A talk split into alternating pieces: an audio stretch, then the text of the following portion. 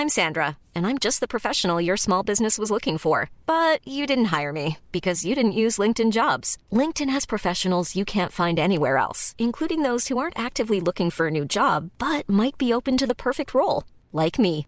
In a given month, over 70% of LinkedIn users don't visit other leading job sites. So if you're not looking on LinkedIn, you'll miss out on great candidates like Sandra. Start hiring professionals like a professional. Post your free job on linkedin.com/people today.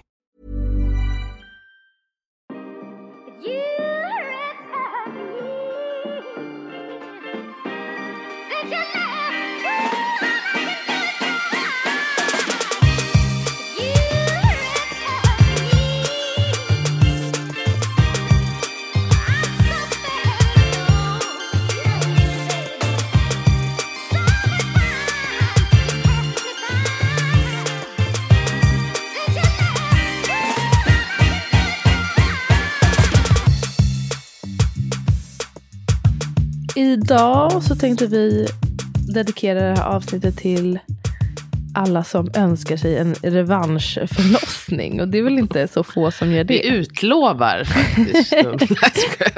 Nej. Men jag tycker att just ehm, det är någonting som många här, skriver om. Man kan väl tycka olika om det. Den termen. Jag vet att vissa typ tycker att den är lite större eller töntig. Eller, jag vet inte. Vadå då? Jag vet inte. Varför? Vem är det som tycker det? Kan, det är en vän till mig. Outa dem omedelbart. Nej, men jag, det är många som skriver framförallt efter typ um, kursen just att de fick sin revanschförlossning och just att man vill göra annorlunda från eh, kanske sina tidigare födslar för att det har blivit som inte som man har önskat sig. Men de här tipsen som vi tänkte komma med um, kan man ju såklart använda inför en första födsel också. Men, Ja, det har jag ändå haft några som har skrivit, eh, tycker jag, på sistone, att jag skulle vilja få min revanschförlossning direkt. Alltså med första barnet, om man säger. vill helt enkelt ha en bra födsel. Eh, exakt, det är det man menar. Men det tycker jag, för det är ju för många såklart en sorg att det kanske till och med har blivit riktigt dåligt, liksom. En dålig upplevelse, även om man har fått ett friskt barn. Och att då få en bra födsel som man alltså känner själv att så här, jag är en stor anledning till varför det här blev bra. Mm. Då kan det ju verkligen kännas som en revansch. Så det känns ju inte Verkligen. alls orimligt att Och kalla lite- det en revanschfödsel. Nej, jag tycker, jag håller med. Och även om det, som vi ofta säger, även om det inte blir precis som man tänkt sig eller att det blir på ett visst sätt, att ändå känna att jag gjorde liksom, jag gjorde verkligen allt jag kunde och eh, det blev så bra som det bara kunde bli. Ehm, Mm. Så det är en fantastisk känsla att ha, även om det inte blir precis som man tänkt. Och Nej, precis. mycket. Och det är väl också så nice att känna att liksom jag fick revansch. Det är ju en jättehärlig känsla. Det ska man väl unna alla. Verkligen. Ehm, det måste ju vara, det är klart att det kan vara en jättestor sorg att det, att det blev, dels, eh, ja men om det blir en negativ upplevelse när man föder barn, att det är så mycket som man eh, kan känna att man har gått miste om.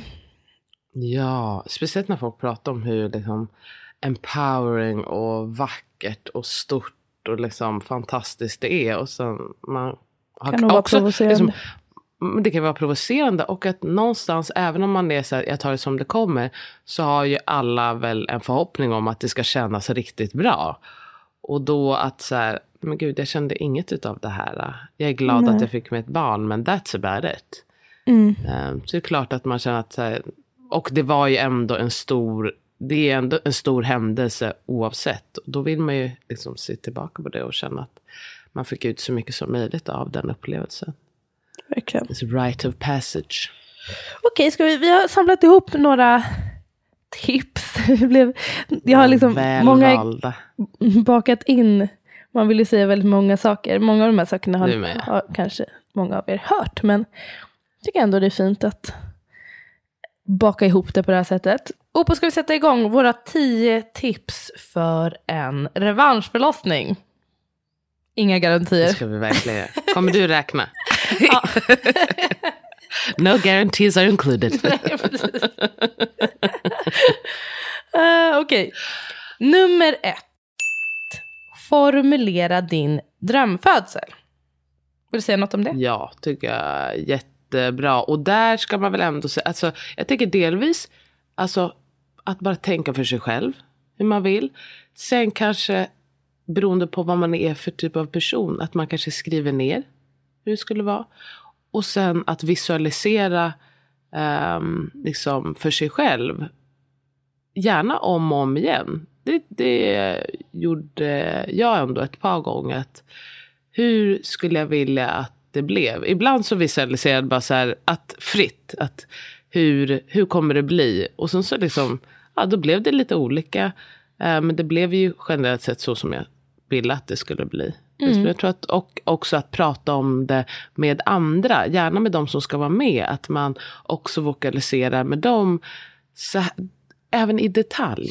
Liksom, jag skulle vilja, jag tänker mig att du står här och gör de här grejerna och det är det här typen av bemötandet jag får och de här orden säger ni till mig och, och vattnet är varmt. Och, alltså liksom att man går in i de här detaljerna så att man har också som stödperson mycket att ta av för liksom att få dig att få den här upplevelsen. Precis, och när man har visualiserat det mycket då kan man också, när de här små målbilderna som man kanske har eh, infinner sig, att det kan bli så stärkande mm. att nu händer det här som jag hade tänkt mig. Och som du säger också att Verkligen. Um, att visualisera, det är också ett sätt att um, tänka positivt, eller vad man ska säga. Och man vet ju också att, att tänka, um, har man liksom en positiv approach så är det också mer sannolikt att det blir en positiv upplevelse. Det har man eh, ändå sett. Och jag tänker att det är också när man formulerar det på det här sättet eh, för sig själv. Vad det är exakt, vad, vad skulle drömscenariot vara? Sen så kanske det inte blir precis så självklart. Men då kan mm. man också utkristallisera lite så här, vad är det som är, vad är det som är viktigt för mig? Hur vill jag ha det? Vad vill jag helst undvika? Och då kan man, det är ett första steg till att börja jobba ditåt. Och jag vet att vissa känner så här, att det kan kännas nästan läskigt att hålla på och tänka för stort, för då kanske man blir besviken. Men vi skriver också om det här i boken, att eh, liksom, om det inte blir som man har tänkt sig, det är ju knappast liksom, drömmarnas fel att det inte blev så. Nej, och den här stunden man har för sig själv där man drömmer och går in i sin födsel och ser det framför sig. Eh, om inget annat tänker jag att det är liksom eh, endorfin och oxytocinfrisättande i sig och, och en härlig upplevelse och ett sätt att få kontakt med sitt barn också. Mm. Verkligen. Jag ska säga en sak, eh, och där kanske vi bara tycker olika, men att jag brukar säga att eh, alltså när man ska visualisera sin drömfödsel, att, och även när man skriver affirmationer, att man fokuserar då på vad det är man vill och sen så att man separat kan liksom gå igenom det här vill jag undvika. För annars är det ju ganska lätt att man eh, kan fastna i så här, det här vill jag inte ska hända och jag vill inte att det ska bli det här. Men just när man ska formulera sin drömfödsel för sig själv, att fokus ändå ligger på det här är vad jag vill. Vad jag vill ha. Och, sen, ja, och att eh, liksom, det är där man lägger sin energi, även liksom, när man eh, visualiserar för sig själv. Så att man inte börjar visualisera, de här grejerna vill jag inte ska ske. Nej, eh, precis. ja, nej, det håller jag helt med om. På... Det här har vi också skrivit mm. om i eh, boken också. Då, då skrev jag en del i att man, jag tycker också det här med fokus bör ligga på det man vill ha, drömscenariot, det positiva, om inget annat för att få liksom ett lugn i sig själv och få den här upplevelsen av att fantisera om något fint. Men att man också kan, eh, om man vill lägga lite krut på att också tänka på sitt, liksom, vad är ens värsta scenario, vad är det man är rädd för, vad är det man gärna vill undvika för att också bara så här, tänka lite så här, hur skulle vi då kan gö göra det bästa av den situationen om det nu sker. Precis. Sen är det vissa scenarion som bara är så här, kanske är svårt att göra det bästa av. Men typ om man är rädd för att skiljas från sitt barn eller att barnet ska gå till barnbordet eller jag är rädd att det blir stort Precis. pådrag i rummet eller så. Då kan man börja våga ta upp de där rädslorna till utan och prata med sina stödpersoner om det. Hur kan vi göra det på bästa möjliga sättet om de här sakerna sker? Precis. Exakt, och eh, en sista sak. Det är, jag tror också att det här med att eh, eh, ta sig tid att visualisera, det är också en typ av bearbetning. Att liksom, för att, speciellt om man in, inte försöker styra för mycket, eh, alltså styra sina tankar för mycket och bara känna in vad som kommer. Att det kan vara ett sätt att bearbeta liksom sina tankar och känslor inför födseln. Att det kommer upp saker liksom från ens undermedvetna. Och ibland är det inte så att det som kommer upp är så här, åh, rosa skimrande hela tiden. Men att man då får liksom lite tid att reflektera kring att säga, ah, men hur kommer det sig att det här kom upp och är det någonting jag vill ta med mig eller inte? Det kan vara väldigt liksom läkande också. Att eh, låta det undermedvetna få bubbla upp lite. Mm. Jag hade som en ritual varje natt. Eh, alltså inför att jag skulle lägga mig. Antingen gjorde jag som avslappningsvisualiseringsövningar för inspelade mig. Eller så bara visualiserade jag min eh, födsel. Hur jag tänkte att den skulle vara. Och det var så skönt. Eller det var så en väldigt härlig känsla att mm. göra det och gå in i det. Så det är Jättefint. en grej. Och sen så, du, du hade också skrivit, en jag vet, grej, inte, jag vet inte, ja, verkligen tusen grejer. Formulera din drömsfödsel var i alla fall rubriceringen. Jag tänker att det går också lite hand i hand med något som du har tagit upp, att man att lära känna sin kropp och vad den gillar och vad som får den att slappna av och vad den ogillar. I att kunna formulera i guess. I guess. Det går, jag försökte klämma in.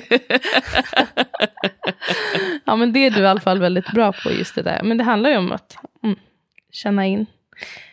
Okej, okay, ska vi köra nästa? Ja. Förbered ett stödteam. Vill du specificera, hur kan man ja. tänka där? Nej men jag tänker att det, jag tror fortfarande för många att man är bara så här, ja det är jag och min partner. Um, om man är två då som skaffar barn och sen så är det liksom som att det är inte mycket mer med det. Men alltså man kan få, um, det finns mer, för många i alla fall, finns det mer stöd att få. Delvis liksom att man har kanske någon som man pratar med under graviditeten redan. Att ha någon som stöttar den som ska stötta, det tycker jag ofta är min roll som dola. Att att eh, delvis är man ju där för den som föder, men mycket handlar ju också om att stötta den som ändå står närmast den som föder. Um, så att den kan vara ett så bra stöd som möjligt. Och också, liksom, speciellt om det är två stycken i rummet som ska bli föräldrar, så får man inte glömma bort att även om medföräldern inte, om, även om medföräldern inte är med om samma liksom, upplevelse, såklart, om den inte föder, um, så ska ju den ändå bli förälder. Den ser den som den ska bli förälder med, uppleva något jättestort. Och det är ju väldigt mycket att ta in. Och där kan man ju behöva ganska mycket stöd utan att ens veta om det. Liksom, det kan vara jätteskönt tror jag att ha en tredje person där som man kan luta sig mot. Så att man inte har allt ansvar själv för vad som händer i rummet. Att man kan få gråta eller man kan liksom få bolla med någon. Um, det tror jag är jätteviktigt och också tror jag för den som föder. Alltså jag menar, nu när eh, jag födde barn nummer två, liksom det var ju ovärderligt. Alltså ovärderligt stödet jag hade runt omkring mig det, var ju, det kan jag liksom inte stress nog. Och det kan ju vara en dola, men det kan lika gärna vara en kompis man har förtroende för, eller familjemedlem, eller eh, liksom någon annan. Och även stöd, stödteam, det kan ju också vara att man går hos en kurator och pratar om liksom eh, rädslor man har. Då blir ju den också en del av ett stöd för att få en så bra upplevelse som möjligt. Mm. Så öppna upp för tanken att bjuda in fler till um, födseln men också graviditeten och tiden efter. Um, ja, det brukar, efter. det är såklart alla har olika socialt nätverk och möjlighet till det men de, min upplevelse är att de flesta blir i alla fall uppskattar att få den frågan och ta det på stort allvar. Om man alltså blir tillfrågad och vara med Verkligen. på någons födsel är ju jättestort. Um, vad tänkte jag på? Det enda, det som kan vara lite krux är det här med att det är olika riktlinjer och så på olika kliniker att vissa inte fortfarande vill att man ska, alltså att det inte är fritt fram att ha med sig alla man vill. Men man kan ju alltid kolla upp Nej. vad som gäller där man planerar att föda. Och som sagt, eh, om det nu är så att man inte får ta med sig en, alltså en extra eh, bör gå på de flesta ställen. Men om det inte skulle gå att man i alla fall under tiden man är hemma. En del av födseln brukar man ändå göra hemma. Precis. Och första tiden efter att det är också jättevärdefullt med stöd då. Exakt. Det är eh, exakt vad jag tänkte säga. Så det var utmärkt. Nummer tre. Lär dig vad som sker i kroppen för att öka tilliten. Då tänker Ja. jag på, alltså mycket av det här går ju under hypnobreathing eh, grejer. Är inte helt, Absolut. alltså det är faktiskt inte bara för att jag, jag älskar hypnobreathing. Men eh, även om man inte kör det så är det värdefullt kan jag tycka. Inte att man måste bli så här superexpert på allt som sker i kroppen. Och som sagt, man upprepar sig, men det är värt att säga. Det är klart man inte behöver veta hur det funkar för att kunna föda. Det är det som är det fina. Att det kan ske utan att man vet någonting eller förbereder sig någonting. Men eh, det som jag märker att många uppskattar med just att förstå lite hur livmodern arbetar, vad den här intensiva känslorna eh, innebär och vad det är som sker i kroppen och hur det kan, liksom, hur man ungefär kan vänta sig att det kommer eskalera och vad olika saker liksom innebär. Att det kan ge ett sånt lugnt, lugn att det här är, nu är allting som det ska. Det kanske är jävligt intensivt, det kanske är överrumplande, men det här känner jag igen. Och jag fattar vad som sker nu och jag vet också hur jag ska jobba med det. Ja, och också, jag tänker att det ger ju också en känsla av sammanhang. Alltså det blir inte bara någonting som händer, utan kan man, exakt, från att man förstår, ja gud vad de snackar mycket om kasam.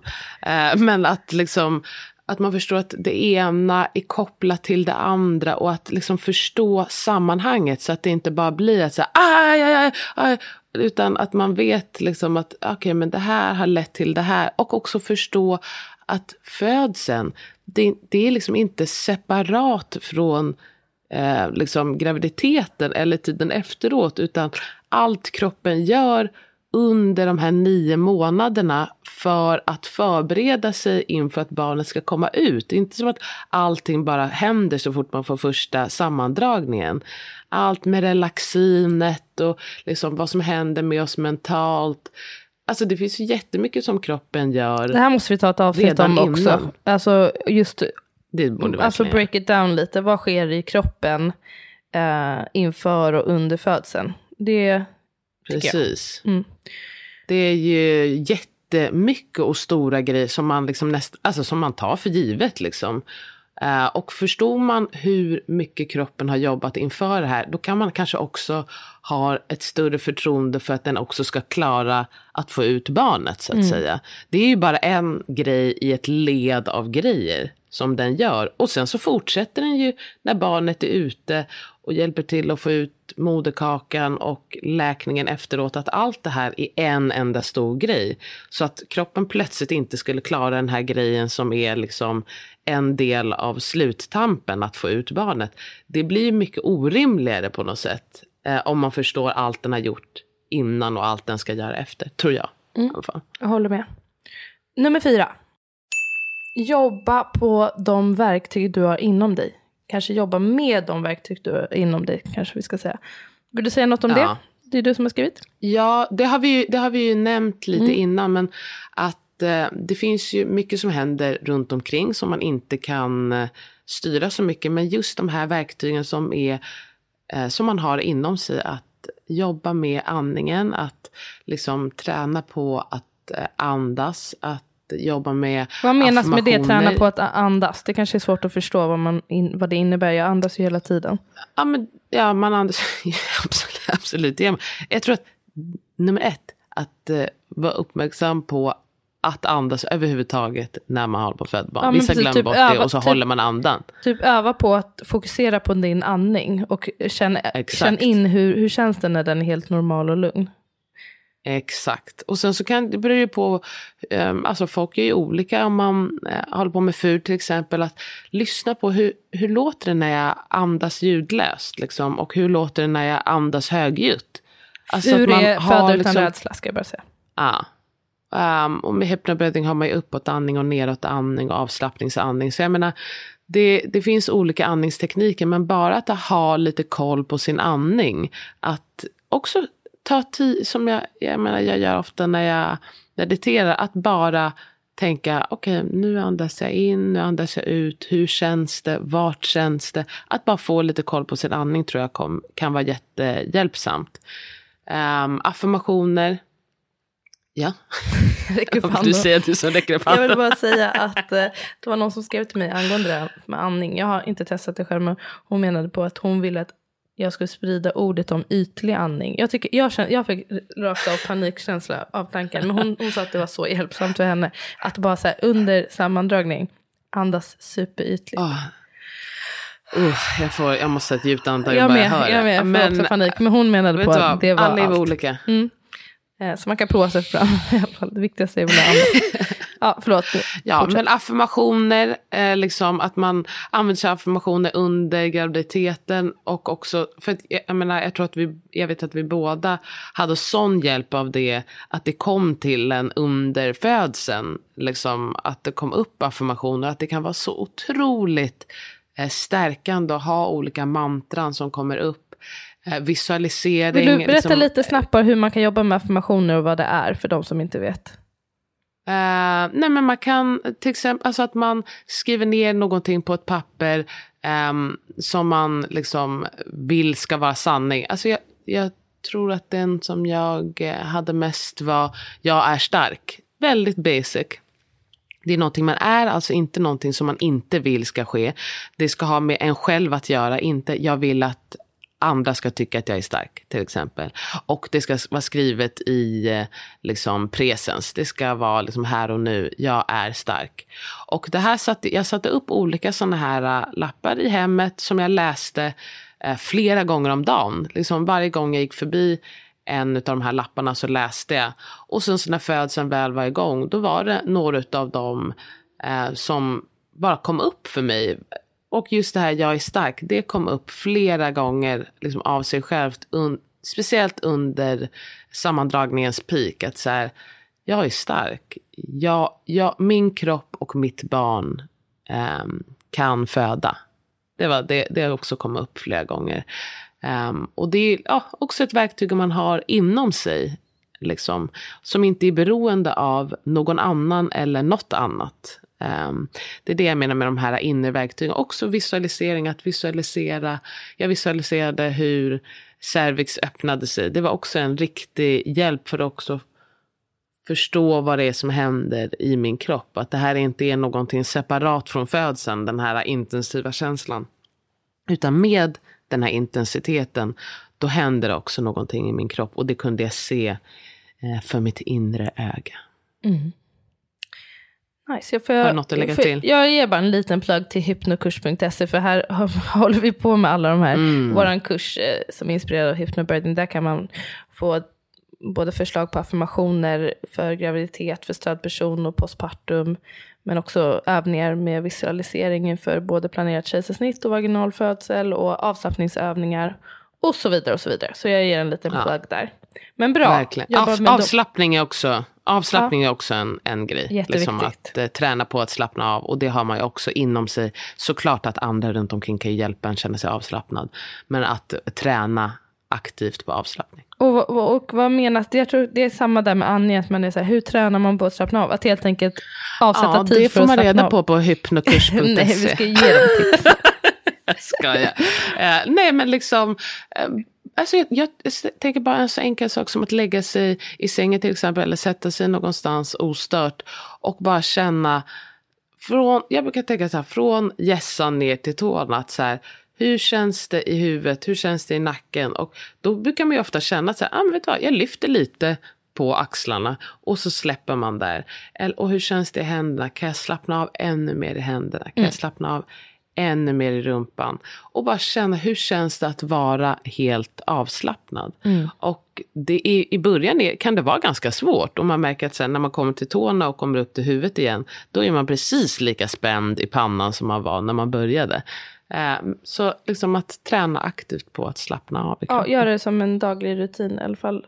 Eller i alla fall några gånger i veckan. Och det går hand i hand med mm. att närvaro, som var en annan grej som du har skrivit med, att mm. lära sig att vara närvarande och i stunden liksom lite mindfulness här och nu är också väldigt värdefullt när man föder barn. Att inte tänka så mycket på det som har varit eller det som komma skall, för det vet man ingenting om. Precis. Nummer fem. Efterforska vad du ska föda och förbered dig därefter. Eh, jag försökte också här baka in jättemånga grejer, men jag tänkte framförallt, för, det är många som um, ska föda på sjukhus, framförallt. Um, men också om man planerar till kejsarsnitt eller så, att man uh, fokuserar lite på det, där man har tänkt sig att man ska föda. Sen så kan det ju bli också, det där kan ju också förändras. Nästan. Men um, en del i det är att lära sig lite om det system som man ska föda i, alltså sjukhussystemet som för de flesta. Lite om vanliga rutiner och interventioner kan vara värdefullt just för att kunna ta ställning till hur man själv vill göra och vad man tror som är, mm. vad som är bäst för en. Men kanske framförallt för att få förståelse för vad som sker och varför det sker. Och för att inte känna sig överkörd utan att känna sig delaktig. Och också rättigheter och vara medveten om att eh, man har valmöjligheter och man har också rätt att säga ja eller nej och förstå också vad man säger ja eller nej till. Och, Exakt. Um, just det här med interventionerna, att det, det är inte heller... Om man, om man De är, är inte lite, separata från varandra. De är inte separata från varandra, precis. En grej leder oftast till en annan. Och den grejen, jag eh, har sagt det tidigare, men jag, um, jag känner att jag måste typ vara ännu mer noga med att specificera det. Att det är inte bara att det, det, är svårt att ha en tanke att ja, men jag vill ha så lite interventioner som möjligt. Men så kanske man kör på med en relativt stor intervention som till exempel Exakt, epidural. Epidural. Man vill ha ah. epidural men då, då kanske det blir ja, nödvändigt att ta verkstimulerande dropp till exempel. Det är svårt att säga eh, liksom, ja till epidural men sen nej till verkstimulerande dropp och sen när man väl har fått verkstimulerande dropp så är det värdefullt att hålla bättre koll på barnet för att ja, man, man vet att det finns risker associerat till det. Eh, och att då säga nej till CTG, alltså att det är lite, att man kan förstå mm, lite av sambandet. Liksom. Eh, och jag kan tipsa om dels i vår mm, bok också så står det om vanliga interventioner men också på eh, birthrightsweden.se så har Märta Kullhet skrivit en jättebra liksom, enkel och koncis eh, liten manual för vanliga interventioner. Som jag tycker Jättebra. Jag kan verkligen rekommendera. Och lite så här, ha lite koll på den klinik man föder på. Vad är det för... Eh, man kan ju fråga sin barnmorska på mödravården. Vad är det för typ av ställe? Vad har de för eh, vårdkultur? Sen så beror det ju så mycket på vem man möter och hur det är på avdelningen på den dagen. Men det kan ändå mm. vara värdefullt att känna till också inför att man gör sitt val eller önskemål av klinik. Jättebra. Och sen hade du också nämnt brain, om du vill säga den akronymen. Akronymen? Akronymen. Heter det så? Ja, ah, det är akronym liksom. Mm, det står för B. Benefits. Alltså det här är inför uh, att eh, ett beslut ska fattas så kan man resonera för sig själv. Vad finns det för benefits, fördelar? Risks. Risker. Uh, alternatives. Alternativ. Gud vad, min hjärna var väldigt uh, långsam. Och sen intuition. vad säger din intuition? Alltså och sen nothing. Vad händer om vi alltså, inte gör någonting? Om, eller om vi väntar? Exakt. Så det kan man... Avvakta liksom man säger. Inför en intervention eller ett beslut. Alltså de allra flesta eh, beslut under en födsel är inte superakuta. Utan det finns tid att eh, fundera, landa lite, kanske överlägga med sina stödpersoner, eh, lyssna inåt, vad vill jag? Och då kan den, den här brain-akronymen vara bra att ha i åtanke. Vad finns det för fördelar, alltså, vad finns det för exakt. risker, vad finns det för alternativ? Vad säger min intuition? Den tycker jag är jätteviktig. Och vad, vad händer om vi inte gör någonting eller väntar lite? Där kan man ställa sin... Och några av dem, alltså intuitionen, där, det, då alltså, blickar man ju inåt förstås. Men att liksom, det är inte att fråga personalen bara, vad är det för fördelar och nackdelar, vad finns det för risker? Det ska ju de kunna svara på. Så det är inte liksom som att här, om man stör dem i deras arbete eller någonting, utan med alla grejer så finns det fördelar och nackdelar. Um, ja, det finns fördelar och nackdelar, det finns inte kanske jättemycket risker med allt, men uh, det ska man ju det ska man kunna svara på om det är så att man föreslår en eh, intervention. Och säger man att det finns inga risker, då tycker jag att man ska dra öronen åt sig. Eller det finns inga nackdelar snarare. Då ska man dra öronen åt sig. För att med alla grejer i livet så finns det fördelar och nackdelar. Ja, verkligen. Det och det är ju inte att, tycker jag, att um liksom misstro Skrämmas deras, eller något. eller misstro deras råd. Eller, alltså, man får väl anta att man får rimliga råd. Men det är också bra för eh, vårdpersonal tänker jag. Alltså att man också får formulera för sig själv. Vad, varför vill vi göra det här? Och eh, Mm. för att också få, man gör ju det här tillsammans mm, i, förhoppningsvis. Alltså att man vill väl Precis. att den man vårdar också är delaktig och förstår vad som sker och förstår varför vi tar de beslut som vi tar. Man bör kunna motivera eh, varför vi gör så här. Och sen så måste man Ja, också och jag- acceptera om, det, om det inte tas emot. Men ehm, ja, ett, ja, precis. Det handlar inte om att bara så här, ifrågasätta allting, men bara ta förståelse och veta vad det är man säger ja eller nej till och vara med på not noterna för att vara delaktig. För att också då på så sätt få en bättre upplevelse. Att känna att man var i kontroll och var delaktig. Det gör ju jätte, det har man ju sett first hand, att speciellt om det inte blir precis som man har tänkt sig. Har man förstått varför beslut har tagits och man har känt sig delaktig, då kan det göra en enorm skillnad för upplevelsen. Så verkligen att det handlar inte om att ifrågasätta, utan det handlar om att förstå vad det är som sker.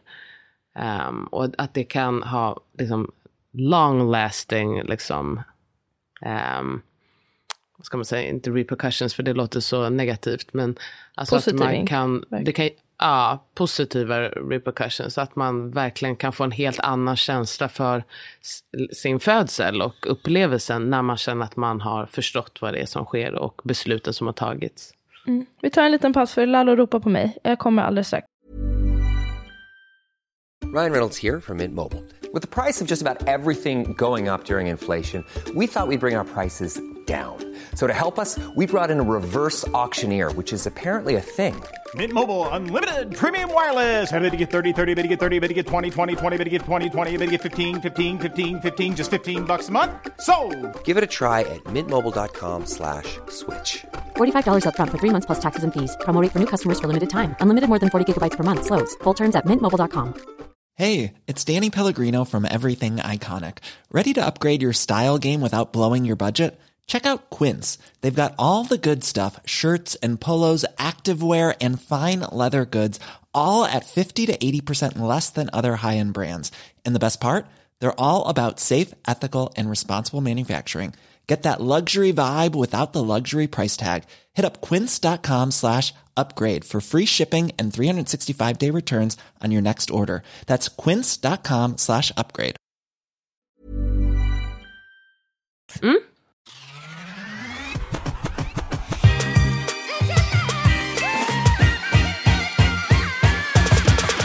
Okej, nummer sex. Förlossningsbrev. Jättebra, det ska man skriva ett. För sig jag. själv, för, dem, för personalen som ska vara där om det är personal och för sitt, ja, men, sitt stödteam. Här, den här frågan kan jag också få säga, men läs, hur vet man att de kommer läsa? Nej, man kan inte garantera att de kommer läsa. Eh, man bör läsa, det är såklart som allt, man vet inte hur det ser ut på avdelningen den dagen, hur mycket de har och vem man möter. Men om inget annat så tror jag att det, eller jag är övertygad om att det är värdefullt att för sig själv få ner det här i skrift. Vad är eh, det jag vill och vad är det jag behöver? Och eh, som sagt, om inget annat, visa det för sin, sitt team. Och man kan ju specificera, jag tror att jag gjorde så, i alla fall till några av er när jag födde andra gången. Eh, att jag tror jag gjorde det i alla fall till Cassandra som skulle fota. Skrev vad jag önskade av henne liksom, och hur hon kan vara ett bra stöd till mig och vad som kan vara störande för mig och så. Jag visste också att det var första gången hon var med på en födsel. Uh, och det tror jag var värdefullt för henne. Um, men just att ja, det blir ett, ett, ett ytterligare sätt att visualisera och få ner, göra det verkligt liksom, och förstå sig själv och vad man behöver. Och man behöver ju inte skriva superlångt. um, jag vet att jag eh, är lite hatad på vissa förlossningskliniker för att folk inspireras av, jag har skrivit ett blogginlägg med liksom lite tips på förlossningsbrev, vad man kan ta med. Och sen så har vissa kanske tagit det förlossningsbrevet typ rakt av. Och det är ju jättelångt. Alltså, jag har ju skrivit så här massa olika grejer man kan skriva. Jag vet att vissa barnmorskor har stört sig väldigt mycket på det. För att det blir också så mycket olika krav och så. Att man, de känner att man inte är öppen. Ehm, Jag tänker att man det inte... inte vara krav, det kan ju vara önskemål bara. Alltså Ja. jag menar, bara för att man har skrivit det, man, det, det är också hur man själv tar det när man läser. Att så här, ja, blir det inte så här, då kommer de inte vara nöjda. Men så behöver det ju inte vara. Jag kan inte tänka mig att du har skrivit i blogginlägget att nu är det här är en kravlista inför din födsel. Jag har också verkligen alltså, det här är det de ska göra. Tänk på typ så här, skriv det på liksom ett, ja men att man också ska på ett trevligt sätt och att det är så här, jag litar på er men det här är det jag skulle vilja ha. För jag tänker att det är också viktigt med the rapport liksom, med personalen. Mm. Men i alla fall att man såklart kan ju tänka på att det inte behöver vara tre sidor långt. Alltså, man kan ju sammanfatta Så att lite de har tid att läsa. det viktigaste. Mm. Var det något Precis. mer du ville man säga? Kan ju skriva men jag tycker att man kan skriva tre sidor om man känner för det. Men sen så att man har kanske i, liksom en försida där det står i punktform. Kanske bara så att det här är det som jag går igenom. Och sen så har man ett längre. För det kan ju vara för en själv som sagt. Och ibland när, de, när det finns jättemycket tid. Då tror jag även som personal men liksom som doula att få läsa ett tre sidor långt när man har tid kan vara jättefint och verkligen få lära känna och komma in på personen som föder. Verkligen. Sen liksom, ibland har man absolut inte tid och då kan man bara gå igenom de tio punkterna som är liksom en sammanfattning av vad som står på de här tre sidorna. Mm, det är jättebra och tips. också att skriv det eh, man kan skriva också flera gånger, att man skriver första gången vecka 20 och så tittar man på det igen vecka 30.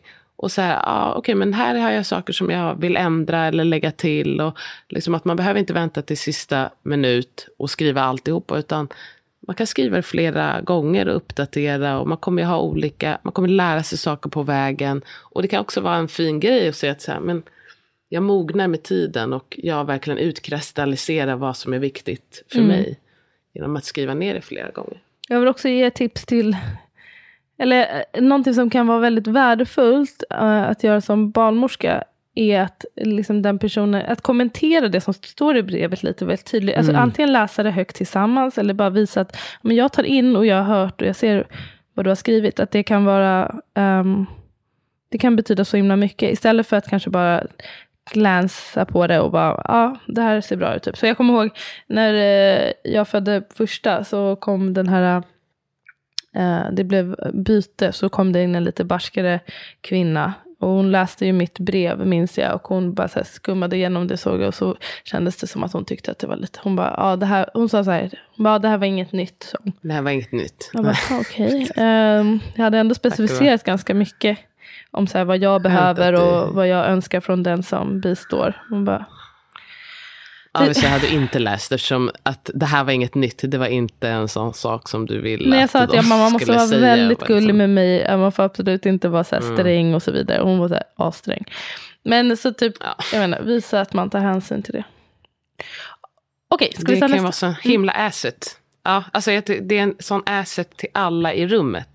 Kan det verkligen vara. Om man har Att jag gör mitt bästa för att det här ska ske. Och alla förstår ju Mm. att det också så här, saker kan hända. Det kommer, man måste också eh, vara anpassningsbar. Men vi ska göra det vi kan för att det ska bli så här.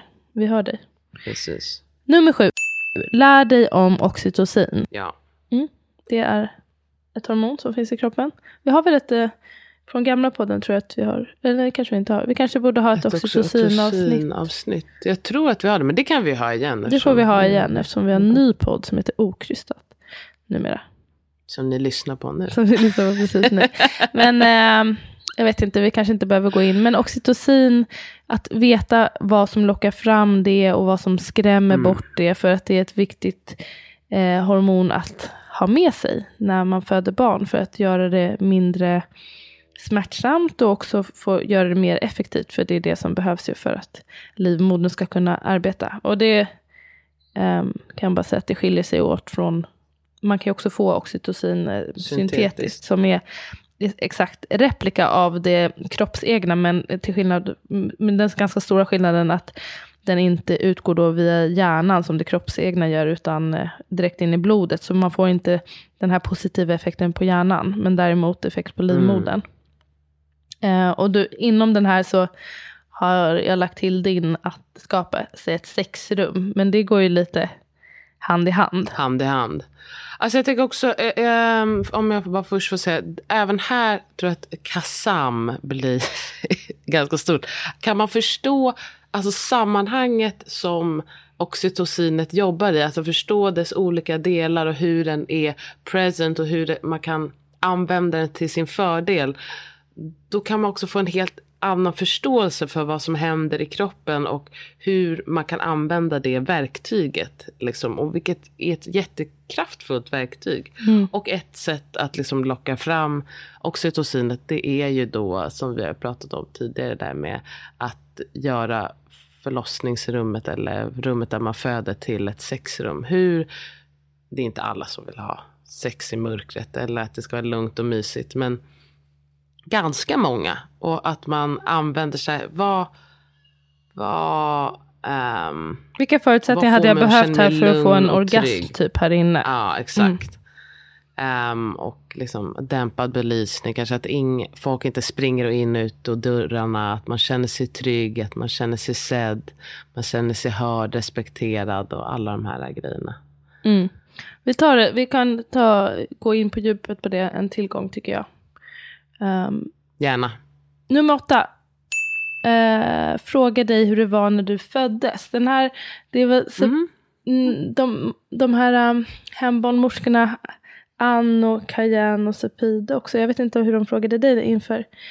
Frågade de dig det? Hur det Jag var kommer inte ihåg det. föddes? Jag, jag, har ingen, jag har ingen koll faktiskt hur det var riktigt när jag Ah, Okej, föddes. Sepide frågade i alla fall att det oss gick det. över tiden. Vad sa du? Jag vet ju bara att mamma gick, åkte in till KS och så sa de, alltså när hon var i 42. Mm. Och så sa de tyvärr det är fullt. Så får hon åka hem. Ehm, och det, men tanken med det är att man tänker att man vet ju att man har minnen redan från fosterstadiet. Så sannolikt har man ju också minnen från ehm, sin egen födsel. Även fast de är djupt liggande i ens undermedvetna. Men att det här kan ändå, det kan vara bra att lyfta till ytan hur det var. Och tänka sig in i hur det var att födas. För att um, kanske stärkas av det eller uh, bearbeta någonting som har skett. Då. Och det är inte alla som vet, man kanske inte har en förälder i livet eller så. Eller man är adopterad eller någonting. Men då kan man istället försöka visualisera hur tror man att det var. Och jag tänker att det här också går lite hand i hand med um, vad man har hört för berättelser om födandet generellt. Men kanske framförallt om sin egen födsel. Och att det absolut kan påverka hur man ser på att föda barn. Om man har hört hur jobbigt och hemskt det var och svårt det var, och du fastnade eller vad det nu kan vara. Att det kan bli lätt att tro att det här är någonting som kommer återupprepas och hända mig. Eh, och kan Precis. skapa rädslor. Så det är ett tips att ehm, få upp det till ytan. Och också, också utvärdera, vad har man hört för historier om födande? Eh, och vad är verkligt och inte? Och kanske väga upp med lite positiva erfarenheter om man inte har fått tillräckligt med det. Precis. Genom att titta på filmer och sådär. Det finns ju massa på Instagram inte minst numera. Okej. Ehm, och typ så här förlossningspodden och Vattnet går och sånt. Där finns ju också massa förlossningsberättelser. Mm, ja, verkligen. Mm, nummer nio. Känn alla känslor och bearbeta trauman. Ja, Så himla samma. viktigt. Mm. Alltså, man har ju så mycket, alltså man är gravid rätt så länge. Och sen liksom, så man har, det, jag tänker att det ibland absolut eh, vill jag inte heller vara gravid så länge. Men eh, så här efterhand att man ofta kan känna att, så här, att det är struktur också så att man har tid att känna så mycket känslor. Att man kan känna sig hoppfull, man kan känna sig taggad, sen kan man känna sig orolig, sen kan man känna sig kanske rädd rent ut sagt. Man kan känna sig frustrerad och att man får gå igenom alla de här äh, känslorna och förhoppningsvis landa i att man känner sig taggad. Eh, liksom när man närmar sig 39-40 sådär. Ehm, och att det är okej att känna alla de här känslorna. Att liksom vara i dem. Det är oftast såklart, vi pratar inte om man är liksom deprimerad, att man ska bara låta det vara. Utan det finns ju liksom mycket känslor som bara kommer och går under en graviditet. Men också kanske ännu mer postpartum. Att där tror jag att folk är ännu mindre kanske beredda på um, som hormonomställningen som sker som gör att man kan, ja, man kan känna så himla mycket. Och att liksom våga landa i det. Um, ja, våga landa i det och att det, är liksom, det är okej att känna sig lite orolig. Det betyder inte att man är fett negativ inför sin födsel. Och det är också okej okay att känna sig bara supertaggad som att säga, jag är gjord för att föda och allting kommer gå jättebra. Det är liksom också okej. Okay. Att liksom våga vara i sina känslor. Mm.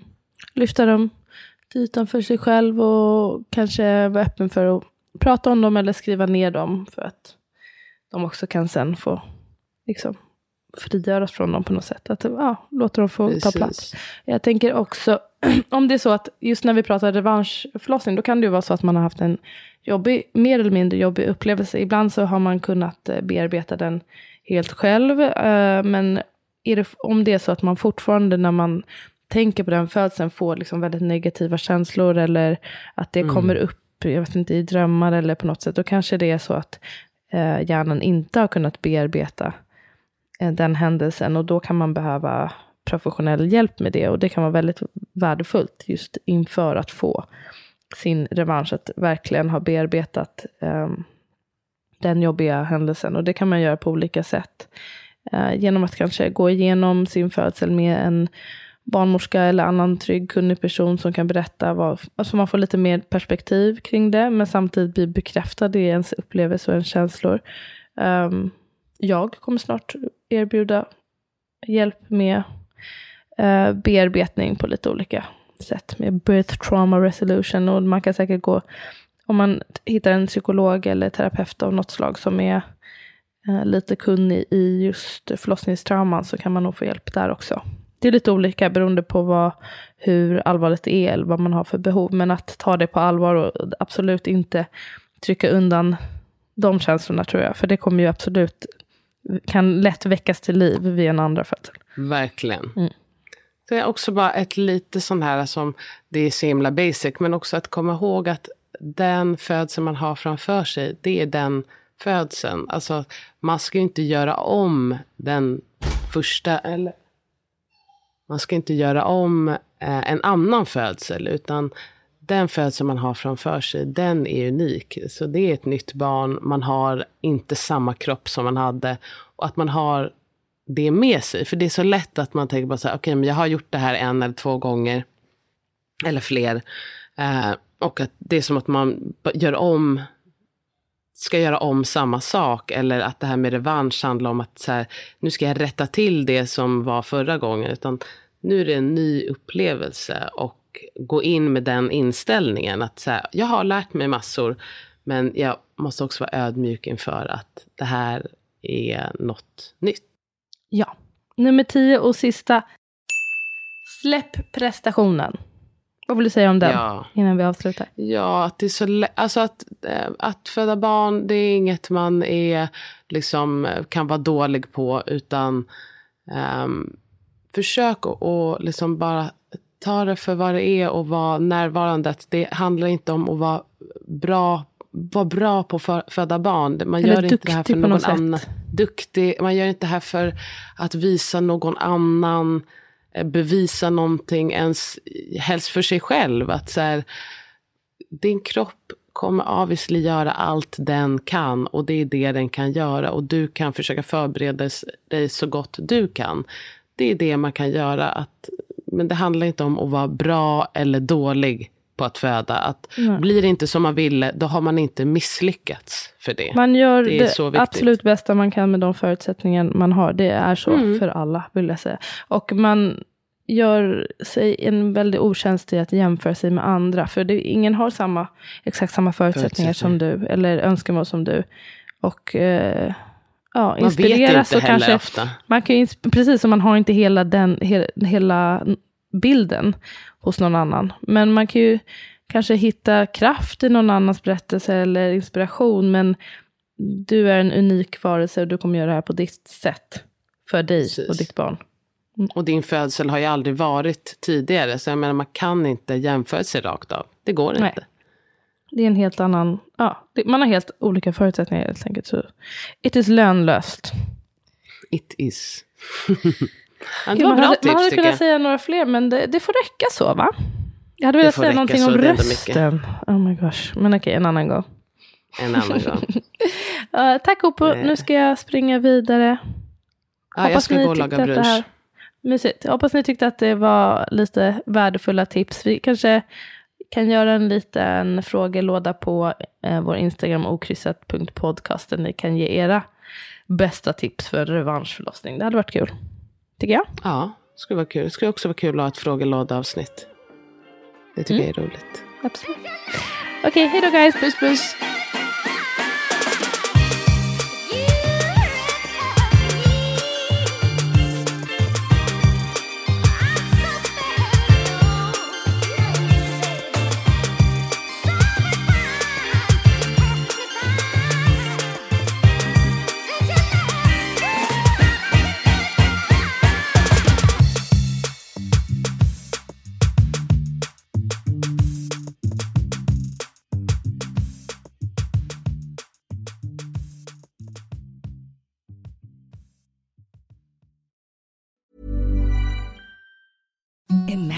Softest sheets you've ever felt. Now imagine them getting even softer over time. That's what you'll feel with Bowl and Branch's organic cotton sheets. In a recent customer survey, 96% replied that Bowl and Branch sheets get softer with every wash. Start getting your best night's sleep in these sheets that get softer and softer for years to come. Try their sheets with a 30-night guarantee. Plus, get 15% off your first order at bowlandbranch.com. Code BUTTERY. Exclusions apply. See site for details.